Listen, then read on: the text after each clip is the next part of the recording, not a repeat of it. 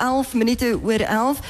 Hy is by Cosmos 94.1 en ek gaan nou oor my gas dan nou oorskakel na Engels.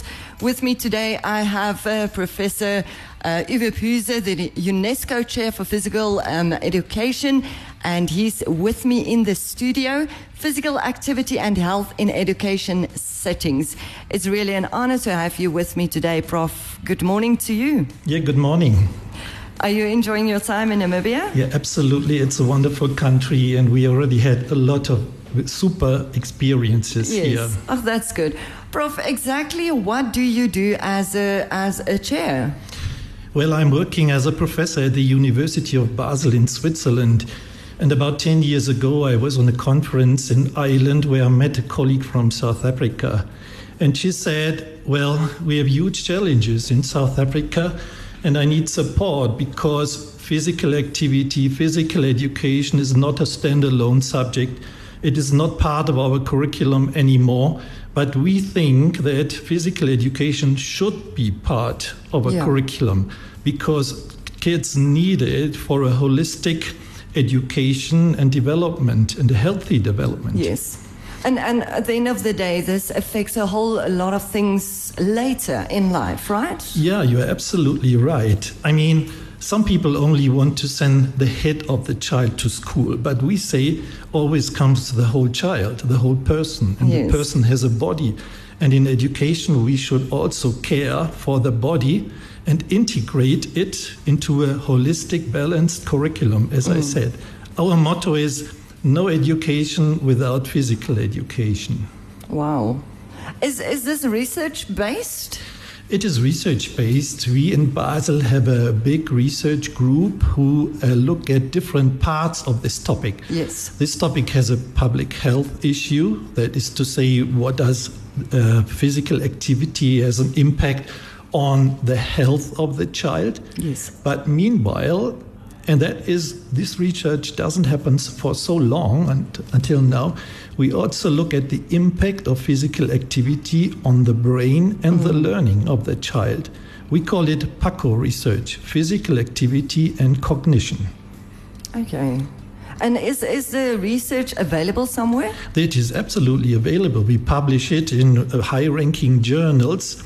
And this research really focuses on physical activity breaks, for example, in class or physical activity lessons. And we look at the impact.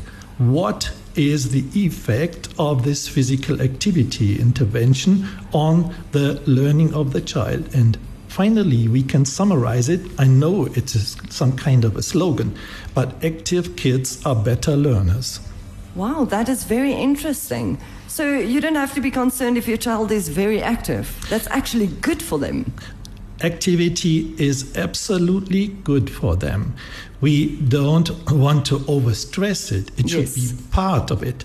A but balance. it should not be neglected as we see that it is in many, yeah, we can say African countries Mm. that some parents or politicians or so, people who are responsible for education, think that it is only the brain which should be educated in school. Yeah. As I said, the physical activity has an impact on learning process.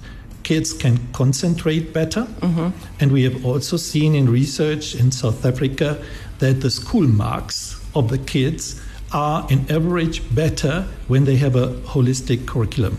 Wow, that is really, really interesting. Just after this uh, BTS permission to dance, we're going to have a chat further on and exactly talk about what are you doing in in Namibia. So bly net ingeskakel op Cosmos 94.1. Ons gaan binnekort weer aansluit by Prof Uwe. Oh, with me in studio today I have uh, Prof uh, Uwe Pühse from Switzerland. He's the UNESCO Chair for Physical Activity and Health in Educational Settings in Namibia and he is currently visiting Namibia. Prof, what exactly are you doing as the chair in Namibia? Yeah, the subtitle of our chair is Healthy Schools for Healthy Communities. Yes. And in our program, we have three interventions which we do in schools, and we develop them together with our African partners. this is a, a, very important message for us. We don't come and say how it should work. It's a mutual process. It's a give and take. It's a really collaborative approach. And first of all, we have interventions in physical education. We Yes. bring physical education into the schools. We have interventions which are called moving to music. And the reason why we do that is, first of all, we see that kids are very motivated when they hear music and they like to move. But in South Africa, and I make my experiences now in Namibia, we have sometimes classes with 70 kids or mm-hmm. even more. And to educate them in physical education is very difficult. Yes. So we invented, we invented moving to music. And another thing is health and hygiene education, because we see that especially in health there are a lot of challenges. In South Africa, we perceive that many kids in underprivileged settings have worm infections, and the worm infections affect their learning processes. And on the other hand, the toilets are in a devastating situation. Hmm. So we renovate toilets and give the kids and the teachers the chance to have a healthy life in school.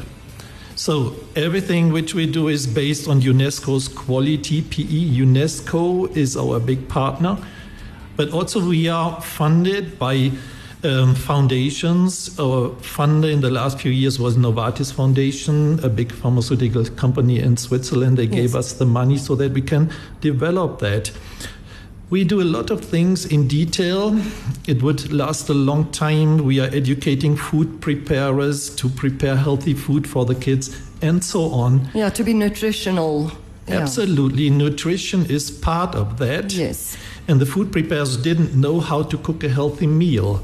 And we in, uh, integrated dietitians, they educated the food preparers, and now they are preparing a healthier meal for them.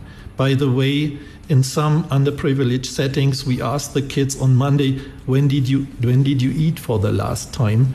And they say on Friday in hmm. school, because in the weekend they There's get no no meal at home. The parents, mostly divorced, there is just one hmm. mother or so. They have huge um, difficulties in caring for the kids. Sometimes Yes. they don't care. So the school is very important. That is uh, that is really really sad to hear this. Yeah, yeah, that is the, the reality. And it is not the reality in every case. As you know, for example, South Africa is the lands with, for the haves and the have nots. There are very well established schools, excellent schools, but on the other hand, when you go to the quintile three schools, that is to say the underprivileged settings, the situation is really, really bad. There is nothing, no uh, infrastructure, and so on. A lot of unemployment all around, Yeah. and the kids suffer from that. And we try to make an impact to improve the situation for the kids and their future. And that is also now exactly what you are trying to do in um, in Namibia. Yeah, Namibia, that is a new experience for Yes. us. Three years ago, we invited experts from other African countries to a conference in Cape Town. These kind of these colleagues, these experts came from Botswana, Senegal, Mauritius, Tanzania, and Namibia. So we invited also Prof. Silas Wilders from UNAM here, from the University of Namibia. And as you know, then the pandemic came, but Prof. Wilders said we should follow that up.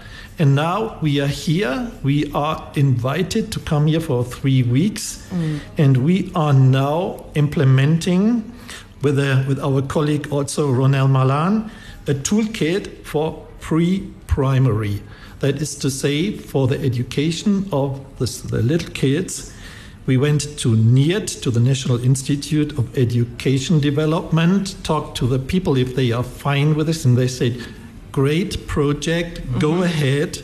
We talked to the head of the health science faculty, of the education faculty here. They all gave us their support and they say, Go ahead, that is important for education. Please um, do this project here in Namibia. And that's why we are here developing in a mutual way. And uh, I just want to know from you if there are schools in our country you would like to make use of these toolkits. Can uh, they um, can they contact you guys? Yeah, they can contact us. We have a web page, Yes. UNESCO Chair. They can also contact maybe you if they want to have this address. Yes. UNESCO Chair on Education um, and Health Education. The exact name is UNESCO Chair on Physical Activity and Health in Educational Settings. We have a web page. All our materials are downloadable there Yes. for free Okay. and all information, videos, and so on are available there. We give them for free, and we are really prepared to support. Prof, last thought that you- would like to share with us before we um, say goodbye? Yes, a, long, a strong partner for us is UNESCO, and UNESCO have, has launched a new program which is called Fit for Life. This Fit for Life project really suits also to the situation here in Namibia, and we want to make a contribution to this UNESCO project, which we support very much. Yeah, so it is really something which is moving forward, and we are very positive that we can have a small but important impact on the life of young kids and their health.